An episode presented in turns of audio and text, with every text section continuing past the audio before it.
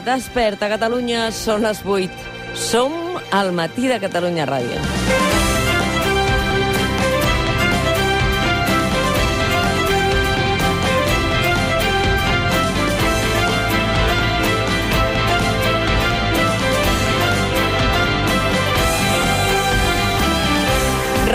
Repunt, de casos positius de Covid-19 a Madrid i Barcelona. La veritat és que no podem dir que ens sorprengui, veient el relaxament que hi ha moltes vegades al carrer, i la veritat és que no podem dir que no ens amoïni, atesa la fragilitat de les nostres estructures d'atenció social i la quantitat de persones que truquen a la porta de les entitats socials per rebre atenció.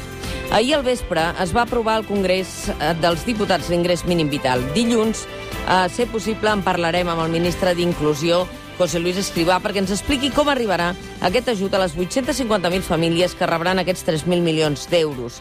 Qui són aquestes famílies? Doncs moltes que ja reben aquí la renda garantida de ciutadania i les tenim molt a prop.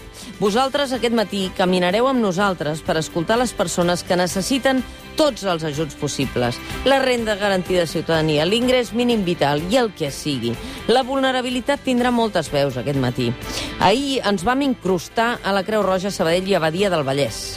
La invisibilitat de les seves vides és la raó de ser de la feina impressionant que fan els voluntaris, ara molts d'ells molt joves, que sense feina o sense totes les hores ocupades trepitgen domicilis, fan caixes de menjar que reparteixen, escolten i també s'angoixen.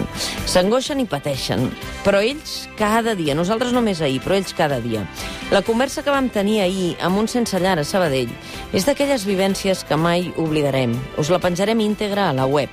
En Carlos és un cuiner sense feina, podríem ser qualsevol de nosaltres. Ara pot viure en una nau de Sabadell fins que s'acabi el confinament, on la Creu Roja li porta menjar. Però, i quan s'acabi el confinament, què? Una altra vegada a dormir al carrer. Li vaig dir al Carlos, deus voler que s'allargui el confinament per poder viure aquí dins, no? I la resposta és, jo sempre visc en confinament. No he tenido la suerte de tener una continuidad de contrato, entonces por eso, quieras o no quieras, te, te deja en un lugar no seguro. O sea, hoy tengo trabajo, mañana no. Y siempre es como el mismo círculo cerrado. Claro. Tengo trabajo, trabajo, alquilo habitación, me quedo sin trabajo, otra vez a la calle. Entonces siempre es el círculo que decís, no mejoro, no, no voy para arriba, no, no, no, me, no me sumerjo. Entonces trato de, de decir, bueno, veo el vaso siempre medio lleno, pero Eso no hay que olvidarlo el, el tema, el tema es, es la, la posibilidad de decir, quiero salir para adelante, decir, quiero mejorar, quiero hacer esto, quiero hacer el otro, cosa que antes no podía.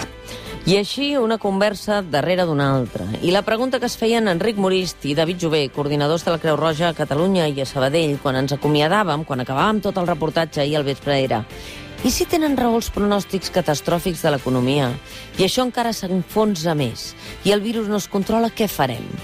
Perquè ells ja estan triplicant l'ajuda. Ells i totes les entitats. Perquè això que van fer amb Creu Roja ho podíem haver fet amb Càritas, amb qualsevol altra entitat, no? La resposta la tenim nosaltres.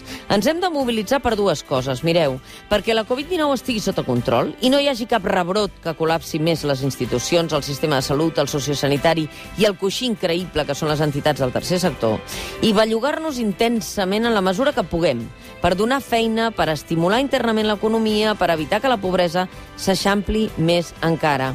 I sí, un esforç de compensació retributiva a les nòmines dels professionals de salut és un pas.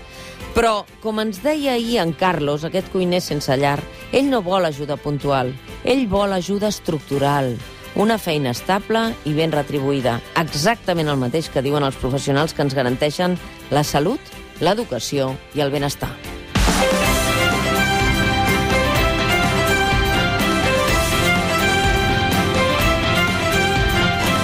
Des d'ara fins a la una som amb vosaltres perquè passi el que passi, volem que aquest sigui un bon dia. El matí de Catalunya Ràdio, amb Mònica Terribas.